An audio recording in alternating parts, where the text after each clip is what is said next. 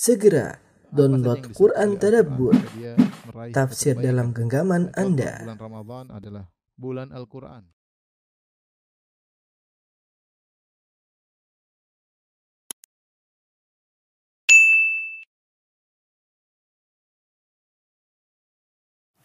Bismillahirrahmanirrahim. Assalamualaikum warahmatullahi wabarakatuh.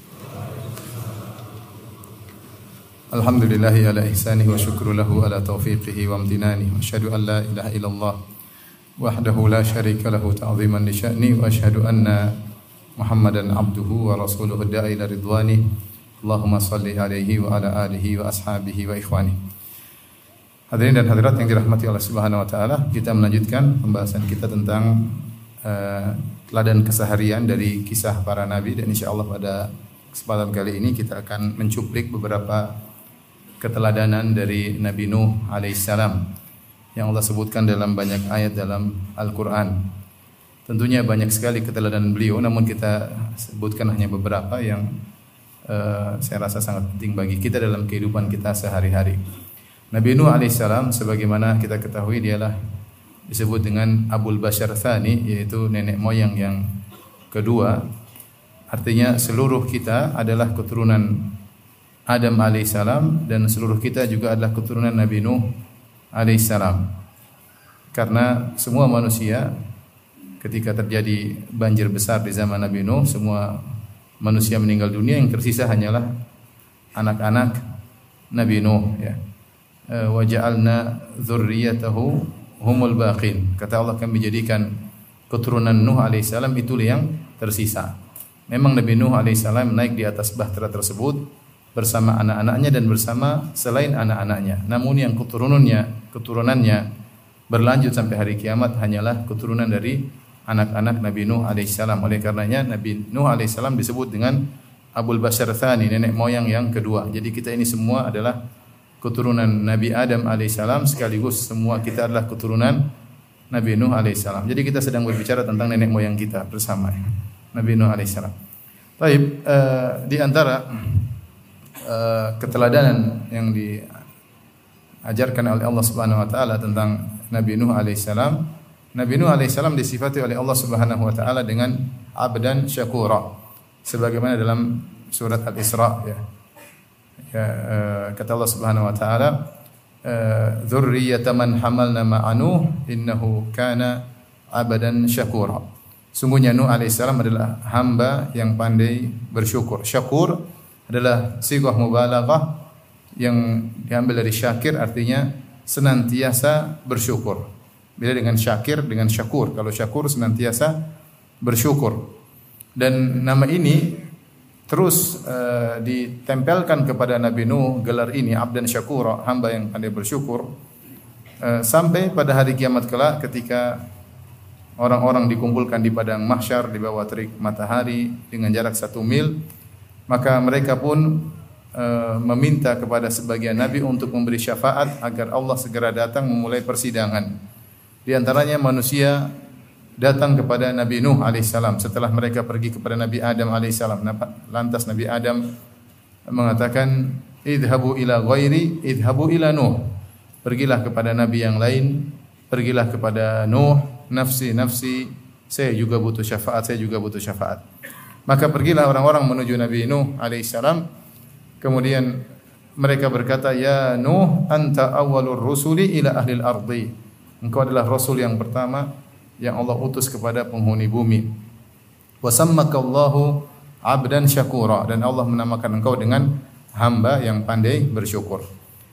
Nama ini nama yang uh, menakjubkan bagi saya. Kenapa? Karena kalau kita membaca tentang sejarah Nabi Nuh, beliau kehidupannya penuh dengan ujian, penuh dengan ujian. Diuji dari berbagai sisi. Diuji dari orang-orang terdekatnya seperti istrinya yang teman hidupnya di rumahnya ternyata adalah wanita yang kafirah. Dan ini tentunya berat ya. Demikian juga diuji dengan putranya, salah satu putranya juga ada yang kafir. Dan ini juga ujian yang sangat yang sangat berat. Bisa dibayangkan bagaimana seorang dai berdakwah berdakwah terus menerus pantang mundur tidak mengenal letih dan lelah, ternyata istrinya ya misalnya pelaku maksiat, ternyata anaknya juga pelaku maksiat. Apa kata orang-orang? Kamu dakwah-dakwah, istrimu sendiri tidak bisa kau dakwahi. Putramu sendiri tidak bisa kau dakwahi. Itu gambaran sederhana tentang Nabi Nuh alaihissalam. Orang-orang yang sangat dekat dengannya, istrinya dan salah satu putranya ternyata kafir. Ini ujian tersendiri. Kemudian tidak ujian yang dihadapi adalah bagaimana membangkangnya atau bandelnya umat Nabi Nuh alaihissalam. Sampai Nabi Nuh berdakwah 950 tahun. Falabitha fihim alfa sanatin illa khamsina ama. Nabi Nuh alaihissalam berdakwah kepada mereka 950 tahun. Ya. Ternyata tidak ada yang beriman kecuali cuma sedikit. Wa ma amana ma'ahum illa wa ma amana ma'ahu illa qalil. Dan tidak beriman kepada Nabi Nuh kecuali cuma sedikit. Sebagian ahli tafsir mengatakan jumlah yang beriman bersama Nabi Nuh sekitar 80 orang ya, 80 orang. Dari selama 950 tahun yang beriman cuma 80 orang. Kalau kita bagi rata, setiap orang untuk beriman 950 bagi 80, setiap orang butuh 11 tahun agar beriman. Jadi kalau kita dakwai satu orang 11 tahun baru dapat hidayah. Kemudian 11 tahun berikutnya satu orang kedua. Kalau kita pukul rata dan ini menunjukkan beratnya dakwah Nabi Nuh alaihissalam karena kaumnya yang yang bandel dan suka membangkang. Dan di antara Eh, penjelasan Allah tentang membangkangnya kaum Nabi Nuh sampai Nabi Nuh di akhir dakwahnya setelah Allah kabarkan bahwasanya tidak ada lagi yang beriman nah lan yu'min min qaumika illa man qad aman ya tidak akan beriman kecuali yang telah beriman saja ya sehingga Allah sudah kabarkan mereka tidak bakalan beriman lagi baru ketika itu Nabi Nuh berdoa agar mereka dibinasakan karena percuma Allah sudah putuskan mereka tidak bakalan beriman Allah berfirman, "Wa qala Nuhu Rabbi la tadhar 'alal ardi minal kafirin dayyara. Innaka in tadharhum yudhillu ibadaka wa la yalidu illa fajiran kafara." Nabi Nuh berdoa, "Ya Allah binasakan mereka." Ya. Karena mereka kalau masih hidup mereka terus menyesatkan hamba-hambamu yang lain. Kemudian kata Nabi Nuh, "Wa la yalidu illa fajiran kafara." Dan tidaklah mereka melahirkan kecuali orang fajir atau orang kafir. Kenapa? Sebagian ahli tafsir mengatakan Nabi Nuh hidup ratusan tahun bahkan seribu tahun lebih. Selama 950 tahun berdakwah dia mendapati beberapa generasi orang ini kafir. Punya anak kafir juga. Punya cucu kafir juga. Punya cicit kafir juga. Punya mencit kafir juga. semuanya kafir. Dan semua keturunan ini kalau datang semuanya ngejek Nabi Nabi Nuh alaihissalam. Jadi mereka saling berwasiat agar mengejek Nabi Nuh. Dari buyut-buyut sampai cicit-cicit semuanya berwasiat untuk mengejek Nabi Nuh. Makanya Nabi Nuh mengatakan berdasarkan pengalaman yang dia hadapi dia berkata, "Wala yalidu illa fajiran kafara." Mereka ini orang-orang tidak melahirkan kecuali hanya orang kafir dan orang fajir. Jadi Nabi Nuh alaihissalam diuji dari istrinya, dari anaknya, dari kaumnya, dari pembangkangan kaumnya, ejekan mereka ya. Wa inni kullama da'awtuhum litaghfira lahum ja'alu asabi'ahum fi adanihim wastaghshaw thiyabahum wa asarru wastakbaru istikbar. Setiap aku dakwahi mereka ya Allah kata Nabi Nuh alaihi salam ya ja'alu asabi'ahum fi adani mereka masukkan jari mereka ke dalam telinga mereka. Jadi Nabi Nuh bicara dia tutup. Ini suatu hal yang tentunya menjengkelkan ya. Kita mau ngomong terus Ustaz mau ngomong silakan. Tentu menjengkelkan ya. Tidak usah tutup telinga. Saya lagi ngomong aja ada yang main HP, saya jengkel ya. Tapi kalau antum bukan main HP, nyatat ya. Jadi eh, apalagi kemudian mereka menutup telinga, kemudian mereka menutup wajah mereka dengan kain itu mereka tidak mau lihat Nabi Nuh. Ya, tidak melihat Nabi. Ini ujian dan ini bukan cuma sehari dua hari.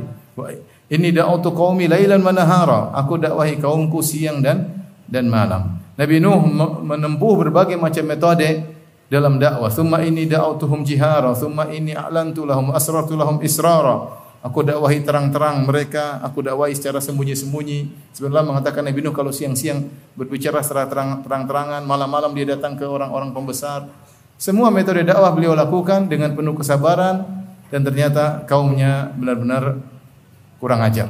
Artinya, kalau kita lihat kehidupan Nabi Nuh alaihissalam, ternyata dia adalah orang yang sangat sabar.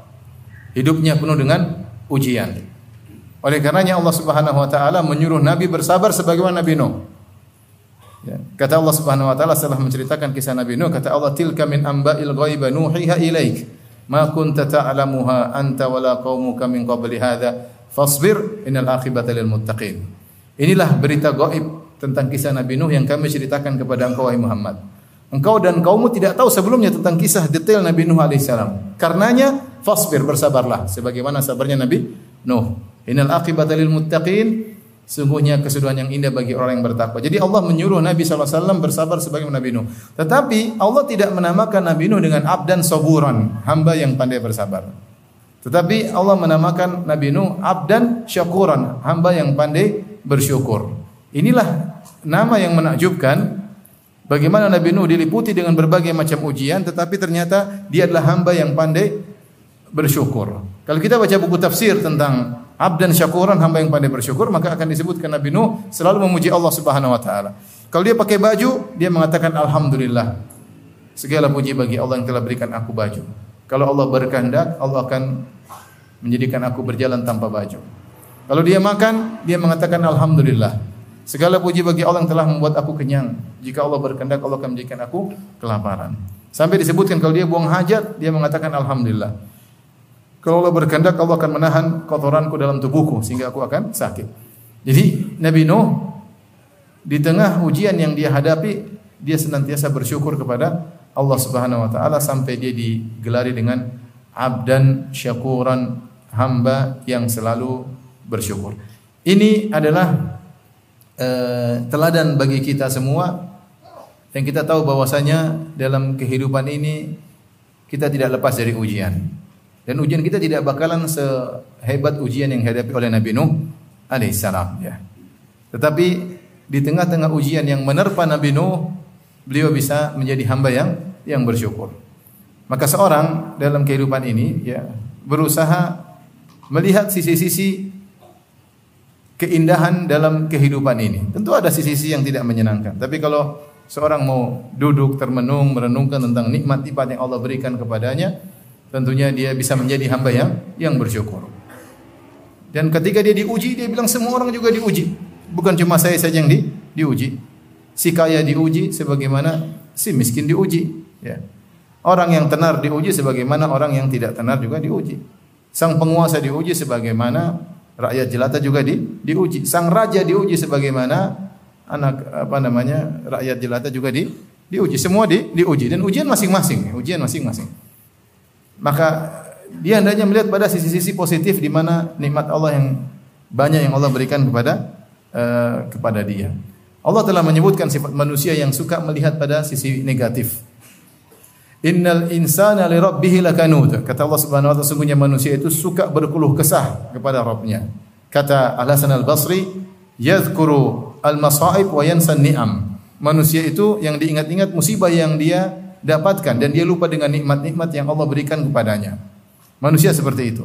Jika dapat musibah dia mengeluh, mengeluh, dia lupa bahwasanya selama ini Allah banyak berikan kenikmatan kepada dia. Jika seandainya dia timbang dengan jumlah nikmat yang banyak dibandingkan dengan musibah yang jarang-jarang, harusnya dia bersyukur kepada Allah Subhanahu wa taala.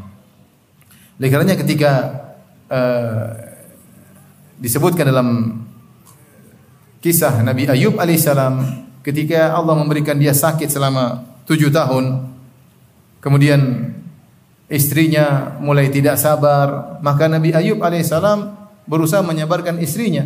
Dia berkata Allah Subhanahu wa taala telah memberikan kita kenikmatan selama 70 tahun.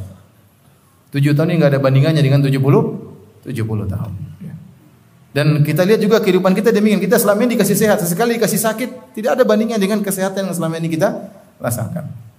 Kita selama ini dikasih ekonomi yang nikmat yang luar biasa, sekali dikasih susah, tidak ada bandingan dengan kenikmatan yang selama ini kita rasakan. Ya.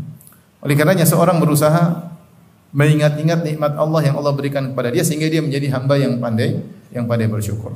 Ada seorang uh, yang mengeluh kepada gurunya tentang musibah-musibah yang dia alami, maka sang guru berkata, "Ini dua kertas ambil dan isi. Satu kertas isilah musibah yang kau rasakan, satu kertas lagi isi tentang nikmat yang kau rasakan. Maka dia mulai menulis tentang musibah. Satu, dua, mungkin sampai sepuluh dia berhenti. Satu, suka diomelin suami. Dua uang belanja kurang misalnya. Tiga gini, empat ini, lima ini, eh, sepuluh selesai. Mungkin sakit apa. Tapi ketika dia mulai mengisi tentang kenikmatan, satu kertas nggak cukup. Banyak sekali kenikmatan kalau mau direnungkan. Wa in ta'uddu nikmatallahi la tuhsuha. Kalau kalian menghitung nikmat Allah, kalian tidak bisa menghitungnya. Nikmat banyak sekali nikmat kesehatan, nikmat pandangan, nikmat mendengar, nikmat bisa berbicara, nikmat bisa berjalan, nikmat bisa tidur. Ada orang nggak bisa tidur. Tem tidur tinggal duduk, tidur kemudian ngorok. Ada orang nggak bisa tidur. Nikmat tidur ya. Nikmat punya istri, nikmat punya anak, nikmat punya rumah meskipun rumah sewaan. Banyak orang yang nggak punya yang punya rumah tinggal di kolong-kolong di bahkan di kota-kota besar negara-negara kafir tinggal di gelandangan ya. Jadi kalau kita menghitung nikmat-nikmat harusnya kita pandai jadi menjadi hamba yang bersyukur. Jadi ikhwan dalam kehidupan ini kita belajar dari Nabi Nuh alaihissalam meskipun beliau dikelilingi dengan berbagai macam ujian tapi cara pandang beliau berbeda. Beliau melihat pada sisi siapa? Kenikmatan yang Allah berikan kepada kepada beliau. Maka cara berpikir seperti ini kita butuhkan dalam kehidupan kita sehari-hari. Bahkan Syekhul Islam punya perkataan yang indah dia mengatakan musibah-musibah itu kalau menimpa kamu anggap saja seperti musim panas, musim dingin. Nanti kan akan hilang. Jangan dipikirin. Memang kalau kita sudah misalnya di Indonesia mungkin nggak ada, tapi kalau kita misalnya tinggal di Madinah, ada musim panas musim. Kalau musim panas kemudian kita, waduh, kita kan santai aja, udah jalan aja. Eh panas ya sudah. Panas ya keringat, pasang AC keluar kepanasan. Musim dingin dingin kedinginan ya cari selimut. Tapi kita jalani biasa aja. Kata Syekh Islam bin Taimiyah rahimahullah, musibah itu seperti musim ya. Udah jalani aja, nggak bisa kamu hindari. Akan datang dan jangan terlalu dipikirkan, jangan terlalu dipikirkan sama pusing. Udah jalani saja, dicuekin lama-lama hilang. Lama-lama hilang ya. Jadi jangan terlalu mikir ya. Nanti kita tambah stres. Ya udah jalani prosedurnya bagaimana, berdoa kepada Allah, ikhtiar, kemudian jalani dan akan hilang musibah tersebut sebagaimana musim akan berganti. Tapi ini uh, yang pertama, yang berikutnya di antara keteladanan yang dicontohkan oleh Nabi Nuh alaihissalam uh, bahwasanya beliau bertawakal dalam berdakwah. Ya. Allah sebutkan dalam surat Yunus watul alaihim naba'a Nuhin idh qala liqaumihi ya qaumi in kana kabura alaikum maqami wa tadhkiri bi ayatillah fa 'ala Allahi tawakkaltu fa ajmi'u amrakum wa syuraka'akum thumma la yakun amrukum ghumma thumma qdu ilayya wa la Kata Allah Subhanahu wa taala bacakanlah kepada mereka kepada orang Quraisy tentang kisah Nabi Nuh alaihissalam. Tatkala dia berkata kepada kaumnya, karena kaumnya bosan. Nabi Nuh dakwah enggak berhenti-berhenti. 950 tahun dakwah enggak berhenti-berhenti. Mereka udah bosan, Nabi Nuh enggak bosan-bosan. Nabi Nuh ceramah-ceramah enggak. Mereka udah bosan. Oleh Syekh Sa'di. Mereka sudah bosan sementara Nabi Nuh selalu giat. Sehingga hari Nabi Nuh merasa mereka udah bosan, Nabi Nuh berkata, "Ya qaumi in kana kaburu alaikum maqami wa tadhkiri bi ayatillah." Ya kaumku, kalau kalian sudah merasa bosan, merasa berat aku berada di tengah-tengah kalian, Merasa berat aku tiap hari nyebutin ayat-ayat Allah Subhanahu wa taala. Mau apa lagi? Fa 'ala Allahi tawakkaltu. Aku bertawakal kepada Allah. Kalian mau ngapain? Mau macam-macam terserah kalian. Ini dakwahku saya harus sampaikan. Kalian bosan, kalian capek, kalian jengkel, ya sudah mau diapain? Fa 'ala Allahi tawakkaltu. Aku bertawakal kepada Allah Subhanahu wa taala. Kita tahu bahwasanya dalam dalam kehidupan kita ya, di antara ibadah yang agung adalah kita bertawakal dalam segala hal. Dalam segala hal. Dalam urusan duniawi, dalam urusan ukhrawi. Dalam kegiatan kita sehari-hari mencari nafkah dan juga dalam kegiatan dakwah kita, dalam ibadah kita, dalam salat kita. Ya. Allah mengatakan eh, wa'buduhu wa tawakkal alaih. Beribadalah dan bertawakal. Jadi tawakal itu bukan hanya pada kalau Cari rizki saja baru tawakal, tawakal. Enggak. Cari rizki tawakal, tapi itu eh, masih masih banyak tawakal-tawakal lain yang bisa kita terapkan. Siapa yang membatasi tawakal hanya mencari rizki, dia kurang dalam menerapkan apa? Tawakal. Atau jomblo, tawakal cari istri, tawakal. Cuma cari istri saja apa? Tawakal. Meskipun ditolak terus, tawakal ya.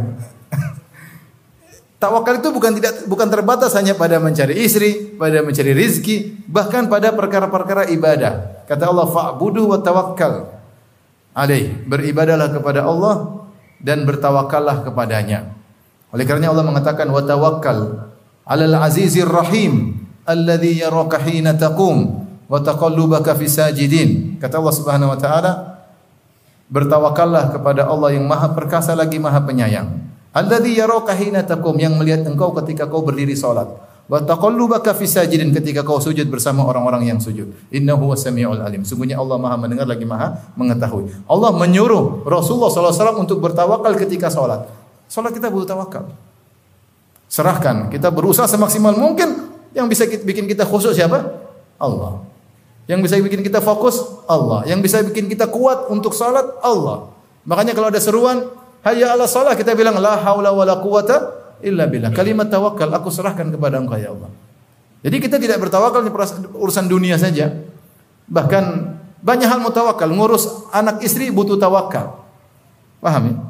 Untuk bisa bangun malam butuh apa? Tawakal. Rasulullah mengajarkan tawakal dalam segala hal sampai Rasulullah SAW berdoa, "Ya Hayyu ya Qayyum bi rahmatika astaghits, fa aslih li sya'ni kullah wa la takilni ila nafsi ain." Ya Allah, yang Maha hidup dan Maha menegakkan yang lainnya.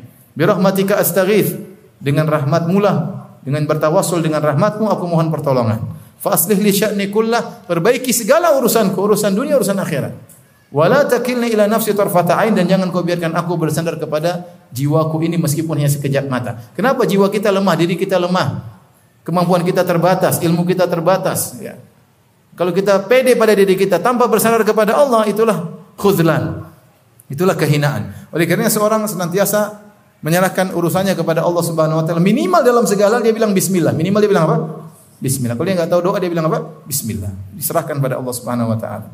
Rasulullah contohkan tawakal dari mau tidur sampai bangun tidur, dari mau tidur sampai bangun tidur, semuanya tawakal kepada Allah Subhanahu wa taala. Oleh karenanya tawakal tidak terbatas pada urusan dunia saja. Ini tawakal yang sempit. Tawakal dalam segala urusan termasuk di antara tawakal yang sangat penting adalah dalam urusan agama, di antaranya dalam urusan dakwah. Dan Nabi Nuh alaihissalam mencontohkan bahwasanya beliau ikhtiarnya habis-habisan, tapi tawakalnya juga apa? Habis-habisan. Bukan bertawakal dalam dakwah tanpa ikhtiar. Ikhtiar Nabi Nuh luar biasa. Bersabar 950 tahun. Kalau bukan Allah kabarkan kaummu tidak bakalan beriman, Nabi Nuh tidak berdoa lagi untuk binasakan mereka. Tapi Allah kabarkan lan yu'mina min qaumika illa man qad aman. Tidak akan beriman kepada engkau dari kaummu kecuali yang sudah terlanjur beriman. 80 orang doang. Sudah enggak ada lagi. Tapi Nabi Nuh tetap berdakwah sampai dia berkata, wala wala yanfa'ukum nushi in aradtu an ansahalakum in kana Allah yuridu ayyughwiyakum wa rabbukum wa ilaihi turja'un.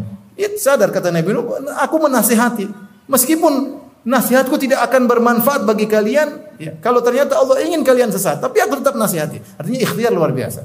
Dakwah siang malam ya, terang-terangan, sembunyi-sembunyi, semua dilakukan 950 tahun. Tetapi beliau tidak bersandar kepada ikhtiar, tetap bersandar kepada apa?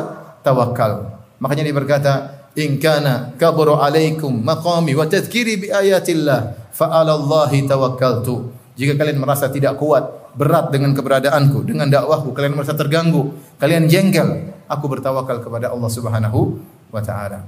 Dan itulah para rasul dahulu mereka bertawakal kepada Allah dalam dakwah mereka, terutama ketika ada gangguan-gangguan yang datang menimpa mereka. Allah berfirman dalam surat Ibrahim, para rasul berkata, "Wa ma lana alla natawakkala 'ala Allah wa qad hadana subulana wa lanasbiranna 'ala ma adaitumuna wa 'ala Allahi falyatawakkalul mutawakkilun. Kata para rasul, kenapa kami tidak bertawakal kepada Allah sementara Allah telah beri hidayah kepada kami? Wala nasbiranna ala ma adaitumuna. Sungguh kami akan sabar atas gangguan yang kalian berikan kepada kami. Wa 'ala Allahi falyatawakkalul mutawakkilun dan hanya kepada Allah orang-orang yang bertawakal hendaknya bertawakal. Dari sini kita tahu bahwasanya mungkin terkadang ketika kita berdakwah kita kurang bertawakal ya. Hendaknya kita serahkan urusan kepada Allah dalam menghadapi apa pun terutama ketika kita diganggu, ketika dihalang-halangi.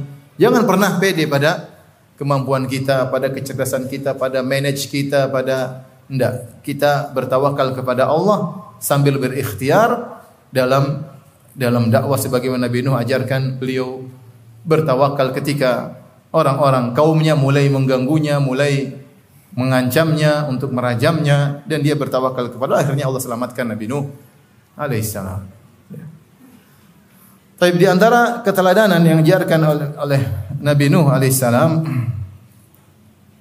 bahwasanya eh, Nabi Nuh alaihissalam tidak ujub dengan apa yang dia lakukan selama 950 tahun. Allah isyaratkan ini dalam surat Hud ketika Nabi Nuh berkata ketika waktu itu Allah turunkan hujan yang deras dari langit ya.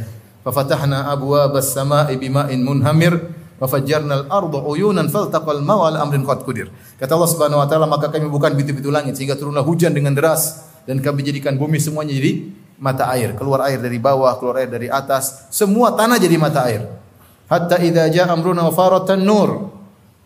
Ketika telah datang keputusan kami bahkan tanur yaitu tungku sampai keluar air. Tungku yang harusnya tempat keluar api sampai keluar air. Arti kata para ulama gambaran semua tempat keluar air, semua tanah jadi mata air. Bukan mata air yang tertutup keluar, enggak semua tanah jadi mata mata air. Jadi air deras dari air dari bawah. Akhirnya Nabi Nuh suruh naik kapal. Wa qala irkabu fiha bismillahi majriha wa mursaha. Inna rabbi laghafurur rahim. Wa hiya tajri bihim fi maujin kal jibal. Wa nada Nuh di dan seterusnya. Kata Allah Subhanahu wa taala Nuh berkata, irkabu fiha. Naiklah kalian di atas bahtera. Bismillahi majraiha wa mursaha tawakal. Dengan menyebut nama Allah ber, berlabuhlah kapal tersebut dan bersandarlah kapal tersebut. Ini bersama pertolongan Allah kapal tersebut bisa berlabuh dan kapal tersebut bisa ber, bersandar. Makanya kapal tersebut sangat sederhana tetapi karena tawakal kepada Allah dengan kemampuan yang terbatas Allah beri keselamatan. Kata Allah Subhanahu wa taala ala uh, ala uh, hamalnahu ala dzati alwahin wa dusur. Ala dzati alwahin wa dusur. Kami angkut Nabi Nuh di atas kapal yang terbuat dari papan dan paku yaitu kapal sederhana. Ya kapal sederhana ada yang mengatakan itu kapal pertama di dunia ada yang mengatakan Nabi Nuh penemu kapal pertama Allah alam bisawab. Tapi itu adalah kapal yang sangat sederhana ala dzati alwahin wa dusur cuma di atas lempengan kayu dan paku tapi kapal tersebut kata Allah wahia tajri bihim fi maujin kal jibal. Kapal tersebut mengangkut mereka berjalan di lautan ya fi mauj di sebuah ombak seperti gunung. Ombaknya ombak besar. Jadi ketika itu banjir bukan cuma air mengalir saja tapi disertai dengan apa? Ombak yang yang besar. Tetapi kapal tersebut tidak tidak terbalik. Kapal tersebut selamat padahal kapal yang sangat apa? Sederhana. Kenapa? Karena disertai dengan tawakal kepada Allah Subhanahu wa taala. Ini di antara kita lanjutkan tadi pentingnya tawakal. Tawakal kalau seorang full tawakalnya dengan sebab yang sedikit dia akan berhasil. Makanya Ibnu Rajab menyebutkan dalam kitabnya uh, Jamil Ulum Al Hikam dia mengatakan seorang berusaha mencari rizki dengan sebab yang tidak banyak tapi dengan tawakal yang tinggi Allah akan mudahkan apa? rizkinya. Jadi kalau kita bilang porsi tawakal dengan ikhtiar, ikhtiar ada tapi tawakal harus lebih apa? Lebih tinggi dalam segala hal. Ya. Ikhtiar tetap berjalan, tapi tawakal harus lebih lebih tinggi. Lihatlah Nabi Muhammad SAW berikhtiar ketika kabur dari kota Mekah ingin hijrah ke mana? Pergi ke Goa Jabal Saur. Kemudian bersembunyi tiga hari tiga malam di situ. Rasulullah sudah berikhtiar. Tetapi akhirnya ketahuan juga. Datanglah orang-orang kafir Quraisy sampai datang sampai tiba di mulut goa. Di mulut gua sampai Abu Bakar ketakutan berkata, "Lau lau lau anna ahadahum absara ila tahti qadamaihi la absarana." Ya Rasulullah, kalau salah seorang dari mereka nengok ke bawah tentu akan melihat kita. Maka Nabi Muhammad SAW menyebutkan dengan penuh tawakal, Ya Abu Bakrin, ma dhannuka bithnain Allahu thalithuhuma. Wahai Abu Bakar, bagaimana menurutmu tentang dua orang? Bagaimana menurutmu tentang dua orang yang Allah adalah ketiganya? Thani yathnaini idhuma fil ghar yaqulu sahibi la tahzan inna Allah ma'ana. Nabi Nabi Muhammad SAW berkata kepada Abu Bakar radhiyallahu anhu, jangan kau takut, jangan kau sedih, sungguhnya Allah bersama bersama kita. Dengan ikhtiar yang sederhana dan kita tahu bahwasanya kemampuan manusia terbatas, akhirnya ketahuan juga orang-orang musyrikin berada di mulut gua. Tetapi disertai dengan tawakal, Allah akan menyempurnakan kekurangan tersebut. Allah akan menutup kekurangan apa? Tersebut akhirnya Allah tutup mata mereka sehingga mereka tidak bisa melihat di mana posisi Nabi dan Abu Bakar radhiyallahu anhu. Kita kembali kepada Nabi Nuh alaihissalam. Kalau lihat ikhtiarnya ya dibandingkan dengan ombak yang dahsyat itu kapal nggak ada apa-apanya. Nggak ada apa-apanya. Tetapi ketika dia melepaskannya dengan berkata Bismillahi majreha wa mursaha. Kita ini sering bilang Bismillah, tapi tawakal kita kurang. Bismillahnya Nabi Nuh tidak sama dengan kualitas Bismillah yang kita ucapkan. Oleh karenanya seorang mengucapkan dengan penuh keyakinan bismillah maka Allah akan menolongnya. Tapi bukan itu yang kita inginkan. Kita lanjutkan. Maka kata Nabi Nuh, kata Allah wa qala arkabu bismillahi wa qala arkabu fiha bismillahi majraha wa mursaha inna rabbi laghafurur rahim. Kata Nabi Nuh alaihissalam, naiklah kalian semua di sebelah tera, bismillah. Di akhir ayat kata Nabi Nuh alaihissalam, inna rabbi laghafurur rahim. Sungguhnya Rabbku Maha Pengampun lagi Maha Penyayang. Saya sempat lama saya cari tafsir ayat ini ya. Dan saya tidak dapati yang, ya, yang sesuai ingin saya dapatkan kecuali disebutkan oleh Al-Alusi dalam kitabnya Ruhul Ma'ani. Kenapa Nabi Nuh ketika menyuruh kaumnya naik di atas perahu, di atas kapal sementara ombak begitu besar, azab sedang turun. Kemudian dia berkata, "Inna Rabbi laghafurur rahim." Sungguhnya Rabbku Maha Pengampun, Maha Penyayang. Saya enggak bisa pikir ini maksudnya apa ini. Kalau dia kalau Nabi Nuh berkata sungguhnya Inna Rabbi lasyadidul iqab, sungguhnya Rabbku hukumannya berat, wajar karena sedang turun apa? Azab. Faham maksud saya? Dan kita tahu bahwasanya ketika Allah menutup suatu ayat dengan Asmaul Husna pasti ada kaitan dengan sebelumnya, pasti ada kaitan hukumnya dengan sebelumnya ya. Makanya ketika ada seorang baca firman Allah dengan salah ya, jazaa'an bima kasaba nakala min Allah wallahu ghafurur rahim. Ya. Uh, ada yang baca para pencuri lelaki maupun para pencuri wanita potonglah tangan kedua mereka sebagai balasan atas perbuatan mereka sungguhnya Allah Maha Pengampun lagi Maha Penyayang. Ada Arab Badui tegur, enggak mungkin ayatnya seperti itu. Allah bilang potong tangan, potong tangan, terus di akhir bilang Allah Maha Pengampun lagi Maha Penyayang. Kalau Allah Maha Pengampun lagi Penyayang tidak usah potong tangan. Ternyata Wallahul Azizul Hakim. Allah Maha perkasa dan Maha bijak. Berarti menunjukkan memang dipotong itu karena kebijakan Allah Subhanahu wa taala. Artinya Asmaul Husna yang disebut di akhir ayat pasti ada hubungannya dengan sebelumnya. Nah, kita renungkan ayat ini. Azab sedang turun, ombak sedang sebesar sebesar lautan. Kemudian Nabi Nuh berkata, "Inna Rabbi laghafurur rahim." Sungguhnya Rabbku lah, Maha Pengampun lagi Maha Penyayang. Apa kaitannya dengan azab? Saya baca-baca baca-baca sebagian ulama ahli tafsir mufassir hanya menyebutkan secara sekilas.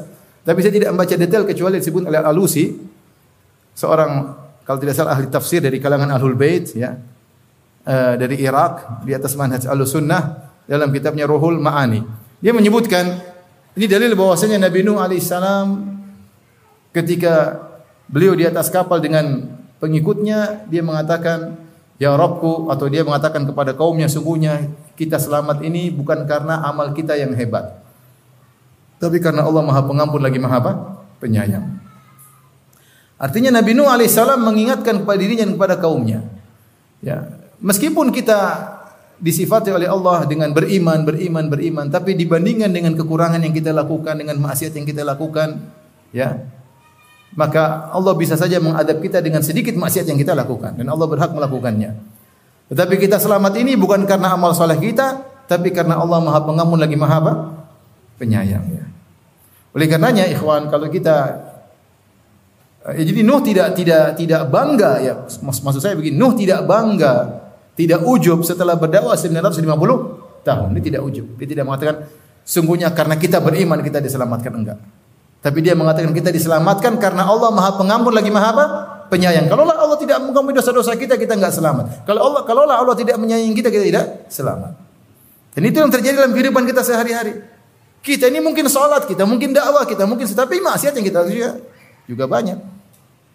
Kalau main medsos pasti maksiat ya enggak? Ada yang tidak main medsos? Angkat tangan. Pastilah maksiat. Pasti lihat cewek terbuka auratnya. Ya, pasti ada maksiat, pasti ada musik yang dia dengar, pasti ada gibah yang dia baca, pasti dia tertawa dengan hal maksiat, macam-macam lah. Artinya, kalau Allah selamatkan kita, Allah kalau Allah memberikan kita kebaikan itu semua karena Allah Maha Pengampun lagi Maha Penyayang, bukan karena kita amal kita hebat. Nabi Nuh alaihissalam dakwah selama 150 tahun tidak ujub dengan apa yang dia lakukan. Bahkan dia berkata, "Inna Rabbi laghafurur rahim." Sungguhnya Rabbku Maha Pengampun lagi Maha Penyayang. Ya. Jadi peringatan bagi kita agar tidak sombong bangga dengan apa yang sudah kita lakukan dibandingkan dengan dosa-dosa yang kita lakukan mungkin tidak seimbang ya. Tapi ya Allah Maha Pengampun lagi Maha Penyayang. Tapi berikutnya di antara teladanan yang bisa kita ambil ya. Bahwasanya bagaimana sikap Nabi Nuh yang sangat sayang kepada anaknya dan berusaha mendakwahi anaknya ya, sampai kesempatan yang terakhir. Kata Allah Subhanahu wa taala wa nada wa hiya tajri bihim fi mawjin kal jibali wa nada nuh ibnahu wa nada nuh ibnahu wa nada nuh ibnahu maka Nabi Nuh menyeru anaknya wa nada nuh ibnahu dia berkata kepada anaknya ya bunayyar kam ma'ana wa kana fi ma'zilin ketika itu anaknya sedang bersendirian ya bunayyar kam ma'ana wa takum ma'al kafirin wahai anakku naiklah bersama kami dan janganlah kau termasuk orang-orang yang kafir Qala sa'awi ila jabali ya'simuni minal ma. Maka sang anak tetap ngeyel dengan berkata, aku akan pergi kepada gunung, puncak gunung yang akan menghalangi aku, mencegah aku dari tenggelam, dari air yang dahsyat. Aku akan selamat. Qala la asimal yawma min amrillah illa man rahim. Maka Nabi Nuh berkata tidak ada yang selamat hari ini kecuali yang diselamatkan oleh Allah Subhanahu wa taala. Ketika Nabi Nuh sedang mendakwahi anaknya, wahala bainahumal mauju fakana minal mughraqin. Tiba-tiba ada ombak menghalangi di antara mereka berdua, maka anaknya pun tenggelam. Yang ini disampaikan dalam ayat ini bagaimana kelembutan Nabi Nuh kepada anaknya. Padahal anaknya mungkin kafir seratusan tahun. Mereka dulu umurnya panjang-panjang. Bagaimana anaknya anaknya memalukan Nabi Nuh. Dan kemungkinan besar anaknya bergabung dengan kaumnya mencaci maki dan menghina Nabi Nuh alaihissalam. Tapi Nabi Nuh alaihissalam tetap dengan penuh kesabaran sayang kepada anaknya meskipun anaknya dalam kondisi demikian. Bahkan dalam kondisi seperti itu Nabi Nuh tidak mencela anaknya. Dia tidak bilang tobat, nah mampus lu ha. Kan Abi udah bilang dari dulu, kamu enggak dengar. Salah sendiri, enggak gitu. Ada yang mengatakan namanya adalah Yam, ada yang mengatakan Kanaan, dan dia tidak memanggil namanya. Dia tidak mengatakan, "Hei fulan." Tidak. Dia panggil wahai putraku. Panggilan dengan penuh apa? Kasih sayang. Ya, dia panggil wahai putraku. Ya. Dia tidak mengatakan, "Hei kafir." "Hei pembangkang." "Hei fulan." Tidak. Dia mengatakan, "Ya bunayya." Dia tidak mengatakan ya ibni, tapi dia mengatakan ya bunayya. Itu panggilan yang sangat lembut. Dia tidak mengatakan wahai anakku, tapi dia mengatakan wahai ananda, putraku dengan kata bunayya beda dengan ibni. Bunaya itu bahasa Arab menunjukkan kelembutan, kasih sayang ya. Ya bunaya, wahai putraku. Dan ini menunjukkan bagaimana kasih sayang Nabi Nuh kepada anaknya. Kita saja, saya jangan bukan kita, saya. Saya kadang-kadang kalau marah sama istri, marah sama anak, saya bilang itu anakmu. saya bilang itu, itu anakmu, ambil itu anakmu. Itu urus anakmu. Tegur anakmu. Kadang-kadang saya ngomong gitu ya. Padahal itu hasil kreasi berdua. Anak bersama, tapi udah mar itu anakmu, anakmu. Kadang gitu naik. Tapi subhanallah Nabi Nuh alaihissalam tetap mengatakan ya bunaya. Dan ini penting. Saya melihat dalam ya saya bukan orang yang maksudnya bukan orang tarbawiyin, bukan orang yang ahli dalam mendidik anak-anak, tetapi saya bilang di antara rahasia bagaimana orang tua bisa mendidik anak dengan baik di antaranya adalah kedekatan dengan apa? Anak. Bagaimana anak merasakan kasih sayang dari apa? Dari orang tua. Itu banyak faedahnya sehingga anak tersebut kalau ada apa-apa dia curhat kepada orang tuanya, dia husnudzon pada orang tuanya, dia tahu orang tuanya adalah tempat untuk berkeluh kesah, tempat mencari solusi. Karena dia rasa dekat, dia tahu orang tuanya perhatian sama dia. Dia tahu orang tuanya sangat sayang kepada dia. Bahkan kalau dia mau bermaksiat, dia nggak enak sama orang orang tuanya. Saya cerita masa kecil saya dulu. Kadang-kadang saya mau nakal, ya. Itu saya saya nggak sholat dulu. Ya. Ketika saya lagi nakal-nakalnya, kadang-kadang saya mau nakal. Saya bukan takut sama Allah ketika itu, tapi saya nanti mama marah. nanti mama saya marah, ketahuan gimana? Nanti mama marah. Jadi saya nggak jadi. Ya. Saya. Artinya kedekatan kita sama orang tua juga mencegah kita untuk melakukan banyak hal. Karena kita sayang orang sama orang tua. Kita nggak ingin orang tua kita nangis atau sedih. Ya. Oleh karenanya banyak anak-anak yang rusak gara-gara nggak dekat sama orang tuanya. Dia nggak dekat, dia nggak merasa dia nggak merasa orang tuanya memperhatikan dia. Ya. Makanya kalau kita perhatikan, ini ini maksudnya banyak anak-anak yatim yang nakal. Ini ini qadarullah, ya, artinya banyak. Kenapa? Karena dia merasa tidak ada yang perhatian sama dia. Tidak ada tempat untuk nanti kalau ketahuan ayah gimana, ketahuan ibu bagaimana, tidak ada tempat untuk curhat sehingga dia melakukan apa yang dia inginkan. Kayak dia tidak merasa ada yang apa? Yang perhatian sama dia. Makanya sebagian anak yatim seperti itu, anak yatim piatu, tidak ada tidak ada ibu, dia bebas. Kecuali dia menemukan ada orang yang mengayominya, nah itu dia mulai bisa terkontrol. Ya. Oleh karenanya di antara rahasia keberhasilan dalam terbiak anak-anak adalah dekat sama dekat sama anak-anak. Jangan kita jauh dari anak-anak. Saya sering cerita, saya cerita lagi. Eh, teman saya kasus di eh, apa namanya ada kasus per, per, pertengkaran para pelajar sampai rame sampai geng-geng yang berkelahi ya. Nggak tahu di Jogja ada atau tidak ya. Di kampung ada atau tidak saya nggak tahu. Kalau di Jakarta ada ya. Dan itu ternyata sekolah bukan sekolah ya sekolah Islam, sekolah besar. Akhirnya kawan saya karena dia alma mater dipanggil. Itu dihadirkan polisi, dihadirkan semua untuk menghadapi masalah ini. Dari sisi hukum, dari sisi ini, di, di antaranya dari sisi kakak kelas. Maka teman saya waktu itu dipanggil istri sama saya langsung. Dia bilang, saya kumpulkan anak-anak yang bermasalah tersebut. Maka saya tanya, siapa di antara ini yang paling bandel yang mana? Oh, itu itu itu kak itu kak. Ini, sini duduk sini sebelah kiri. Yang paling baik di antara anak-anak bermasalah ini siapa? Ini si fulan. Jadi kumpulkan yang paling baik, yang paling nakal dan semuanya bermasalah. Maka kata teman saya, pertanyaan pertama yang saya tanyakan kepada yang paling baik, kapan terakhir kau makan sama ayah ibumu? Satu bareng-bareng, satu meja makan bareng. Kata anak itu tiga tahun yang lalu. Subhanallah. Yang, yang, yang nakal nggak usah ditanya katanya. Jadi di antara sebab anak-anak liar ini tidak merasa dekat sama apa? Orang? Orang tua. Maka di antara hak anak-anak kita dekat. Telepon, kita ajak ngobrol, Uh, mungkin kalau masih kecil kita tidur sama dia. Banyak hal artinya bisa kita lakukan. Anak itu merasa dekat dengan dengan kita. Lihatlah Nabi Nuh alaihissalam anaknya bandel anaknya kafir. Dia dekat dan dia sayang.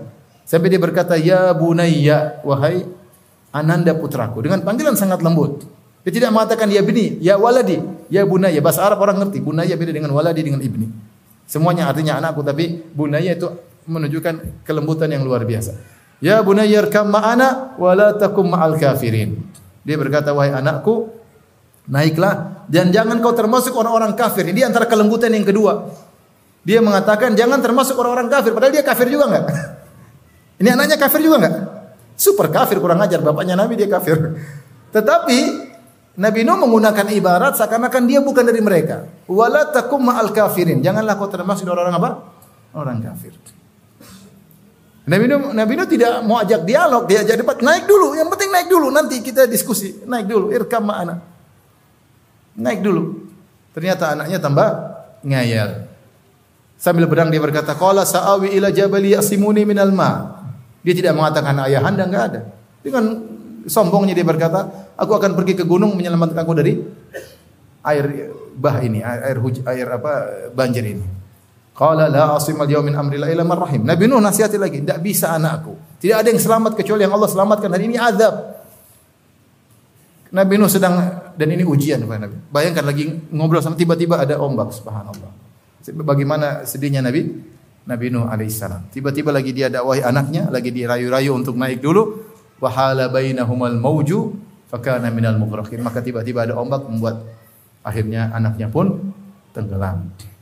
Tapi intinya yang saya sampaikan bahwasanya di antara teladan Nabi Nuh alaihissalam bagaimana dia tetap berusaha dekat anak dengan anaknya, tetap menghadapi segala sesuatu dengan penuh kelembutan, ya dan itu hukum asal dalam kita mendidik anak-anak hukum asal adalah kelembutan bukan sebaliknya hukum asal keras kita didik anak hukum asal lembut terkadang keras boleh dan Nabi telah mengatakan la yaz, apa mazal rifqu fi syai'in illa zana wa la yunzu an syai'in syai'in illa syana.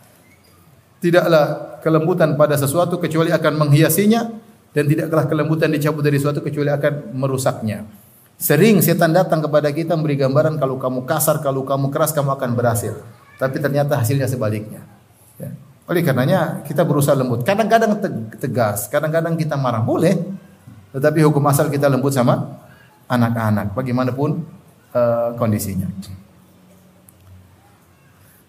Taib, uh, di antaranya seladanan yang bisa kita ambil dari kisah uh, Nabi Nuh tentang anaknya tersebut, ya. eh, di antara faedah dari Imam Syaukani rahimahullahu taala, Nabi Nuh setelah itu berdoa, Inna inna bani min ahli wa inna wa'dakal haq wa anta ahkamul hakimin. Ya Rabbku, sungguhnya ini yang meninggal putraku. Nabi Nuh berusaha agar putranya mungkin sudah tenggelam tapi mudah-mudahan selamat di akhirat. Dia dia sayang sama apa? Putranya. Maka Allah tegur, "Ya Nuh, innahu laisa min ahlika, innahu amalun ghairu salih." Dalam qiraah, "Innahu amila ghairu salih." Wahai Nuh, itu bukan putramu. Sungguhnya bukan keluargamu, dia bukan keluargamu. Sungguhnya dia telah melakukan perbuatan yang tidak saleh. Fala tas'alni ma laisa laka bihi ilm. Inni a'idzuka an takuna minal jahilin. Janganlah engkau memohon kepadaku berdoa kepadaku dengan doa yang kau tidak punya ilmu tentangnya. Aku menasihatimu jangan sampai kau termasuk orang-orang yang jahil. Akhirnya Nabi Nuh minta ampun kepada Allah atas kesalahan dia berdoa kepada Allah Subhanahu wa taala. Imam Syaukani dalam kitabnya Fathul Qadir dalam tafsirnya beliau mengatakan maknanya artinya pada ayat ini tidak bolehnya berdoa dengan sesuatu yang kita tidak punya ilmu tentangnya yang tidak sesuai dengan syariat. Tidak boleh berdoa dengan sesuatu yang tidak sesuai dengan apa? Syariat. Nabi Nuh berdoa dengan ijtihadnya ternyata doanya apa? Salah. Doanya apa? Salah. Oleh karenanya uh, Syekh Abdul Razak hafizahullah taala ketika membawakan faedah ini dia sampaikan kepada saya dia bilang ini dalil bahwasanya seorang berusaha berdoa dengan doa-doa yang diajarkan oleh Nabi sallallahu alaihi wasallam. Karena doa-doa yang datang dalam Al-Qur'an dan hadis itu yang tidak mungkin tidak ada salahnya sama sekali. Apa adapun doa karangan kita atau karangan orang mungkin saja salah. Jangankan kita Nabi Nuh alaihissalam saja bisa salah apa ber, berdoa. Maksudnya kalau kita berdoa ada doa-doa yang mungkin kita jadikan wiridan tiap hari kita berdoa dengan doa tersebut usahakan itulah doa-doa yang diajarkan oleh siapa? Nabi sallallahu alaihi wasallam. Adapun doa karangan ini karangan bisa jadi benar bisa jadi salah. Ya, apalagi doa terkadang berlebih-lebihan, tambah-tambahin ini macam-macam. Sampai seperti madhab Malikiyah menegur orang yang berdoa, Ya Allah, dengan haknya fulan, maka berikanlah kepadaku. Dengan haknya wali fulan. Kata sebuah ulama lagi, tidak boleh seorang minta kepada Allah maksa dengan hak fulan. Emang ada orang punya hak atas Allah. Ini contoh. Seorang berdoa misalnya, Ya Allah bihaqi wali fulan, dengan haknya wali fulan atau bihaqi Muhammad sallallahu alaihi wasallam. Ya Allah dengan haknya Nabi Muhammad, maka hilangkanlah penderitaanku. Sebagian ulama Malikiyah menegur. Ini tidak pernah diajarkan oleh uh, para ulama dan tidak ada orang punya hak atas Allah Subhanahu wa taala. Kita kan kita maksa ini punya hak agar kau doakan. Jadi maksud saya kadang-kadang doa-doa itu bagus, niatnya baik tapi terkadang tidak sesuai dengan syariat. Maka yang yang yang lebih baik seorang berusaha kalau dia baca doa dengan doa yang wirid sehariannya berusaha dengan doa-doa yang datang dari Al-Qur'an maupun dari sunnah. Ya, kalau ada keperluan mendesak dia berdoa dengan bahasa Indonesia dengan menghindar bacaan-bacaan yang aneh-aneh ya. Karena jangan sampai kita salah berdoa. Makanya Nabi Nuh ditegur oleh Allah Subhanahu wa taala. Fala tas'alni ma laisa laka bi'ilm. Jangan kau bertanya meminta kepadaku dengan sesuatu yang kau tidak punya ilmu tentangnya. Inni a'idzuka an takuna minal jahilin. Aku nasihat engkau jangan sampai engkau termasuk orang-orang yang yang jahil. Taib. Apalagi doa-doa yang kadang-kadang saya dapat di buku-buku isinya kesyirikan. Ya Abdul Qadir Jailani, ya wali fulan minta kepada wali-wali mengerikan ya. Anak orang awam dikasih buku, entah dia ngerti atau tidak isinya kesyirikan. Saya musim haji saya dibawain, ada buku. Oh ya benar. Saya pikir mengada-ngada, ternyata benar. Ya wali fulan, intinya berikanlah aku ketentraman. Ya wali fulan, berikanlah aku rahmat. Ya wali bukan kepada Allah. Pada wali-wali. Mengerikannya. Taib uh, yang terakhir yang bisa kita ambil juga dari kisah Nabi Nuh alaihissalam bahwasanya kedekatan seseorang terhadap orang soleh ya kalau dia sendiri tidak soleh maka tidak ada manfaatnya Lihatlah bagaimana istri Nabi Nuh yang sangat dekat dengan Nabi Nuh. Lihatlah anak Nabi Nuh yang merupakan putranya langsung. Kedekatan mereka berdua tidak ada manfaatnya di sisi Allah ketika mereka tidak beriman kepada Allah Subhanahu wa taala. Makanya ketika Allah Subhanahu wa taala berfirman, "Wa daraballahu mathalan lil ladzina kafaru imra'ata Nuh wa imra'ata Lut. Kanata tahta 'abdaini min ibadina salihain fa khanatahuma falam yughni 'anhuma wa qila dukhulan nar ma'ad dakhilin." Kata Allah Subhanahu wa taala dan Allah beri perumpamaan kepada orang kafir tentang uh, istri-istri Nabi Nuh dan istri istri Nabi Lut. Keduanya adalah istri dari dua hamba kami yang soleh. Fakhanatahuma. Namun keduanya berkhianat kepada suaminya. Maksudnya keduanya kafir. Istri Nabi Nuh kafir dan istri Nabi Lut alaihi wassalam kafir. Ya. Fakhanatahuma falam yughniya anhuma minallahi syai'a. Dan kedua suaminya tidak bisa membantu mereka berdua sama sekali. Wa qila dukhulan nar. Maka dikatakanlah kepada kedua istrinya, masuklah kalian ke dalam neraka bersama-sama dengan yang lainnya. Sebagian ulama mengambil istimbat dari ayat ini. Wa qila dukhulan nar ma'ad. Masuklah kalian berdua ke dalam neraka bersama orang-orang yang masuk, artinya sama-sama barengan, tidak ada belakangan. Jangan mentang-mentang istri Nabi belakangan dulu, enggak ada. Kedua suamimu, Nabi Nuh alaihissalam, Nabi Lut alaihissalam tidak bisa memberi bantuan sama sekali kepada kalian berdua. Wa qila dakhulan nar ma'ad. Masalah masuklah kalian berdua ke dalam neraka bersama-sama dengan yang lainnya. Tidak ada penundaan sedikit pun, tidak ada keringanan sedikit pun. Oleh karenanya kedekatan seorang dengan orang saleh, apakah sebagai istrinya, apakah sebagai anaknya, apakah sebagai ayahnya, tidak bermanfaat kalau dia tidak beriman kepada Allah Subhanahu wa Kalau dia beriman ada manfaatnya.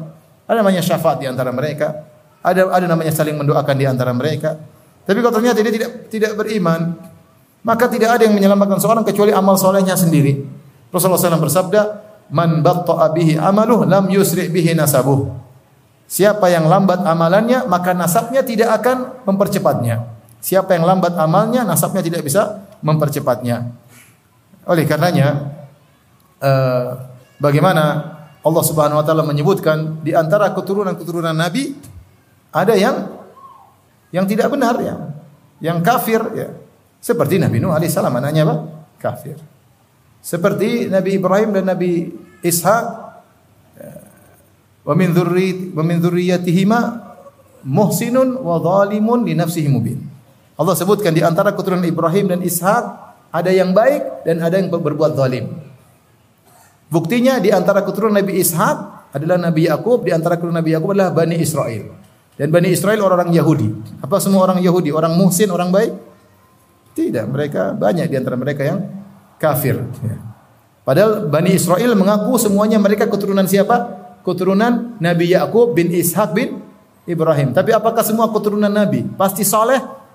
Jawab Allah yang mengatakan, "Wa min dzurriyyatihima muhsinun wa dzalimun li nafsihi mubin."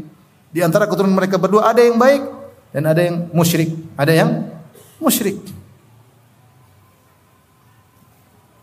Azan ya? Tiga menit. Jadi uh, jadi kedekatan tidak menjadikan uh, seorang kemudian selamat dengan kedekatan tersebut. Lihatlah bagaimana Nabi Ibrahim alaihissalam bapaknya pun kafir. Lihatlah Nabi Muhammad sallallahu alaihi wasallam bagaimana pamannya Abu Talib yang sangat dekat dengan Nabi, yang sangat sayang dengan Nabi ketika tidak eh, beriman maka tidak bermanfaat. Demikian juga Abu Lahab, pamannya Nabi sallallahu alaihi wasallam. Meskipun nasabnya tinggi, bahkan dekat dengan Nabi sallallahu alaihi wasallam namun tidak tidak bermanfaat ya. Maka untuk kehidupan kita sehari masih bagaimana? Jangan sampai seorang bapak saya orang soleh, berarti saya belum tentu ya. Atau teman saya ustadz, memang temannya ustadz kemudian ustadznya belum tentu masuk surga, apalagi kamu. Maksudnya tidak ada ya. Ini masing-masing beramal soleh. Masing-masing masing-masing. Makanya saya sering sampaikan, ajaran mana pun yang mengkaitkan keselamatan bukan dengan amal soleh itu ajaran sesat. Saya ulangi. Ajaran mana pun yang mengkaitkan keselamatan bukan dengan amal soleh masing-masing orang itu adalah ajaran apa? Sesat. Yang benar seorang selamat dengan apa? Masing-masingnya, masing amal solehnya masing-masing. Ya, masing-masing amal solehnya menyelamatkan. Kalau dia beramal soleh, dia selamat. Kalau dia tidak beramal soleh, tidak tidak selamat. Ya. Demikian, Allah taala alam bisawab. Wallahu alam bisawab ini yang saya sampaikan. Uh, insyaallah kita lanjutkan pada kesempatan yang lain. Wabillahi taufiq wal hidayah. Assalamualaikum warahmatullahi wabarakatuh.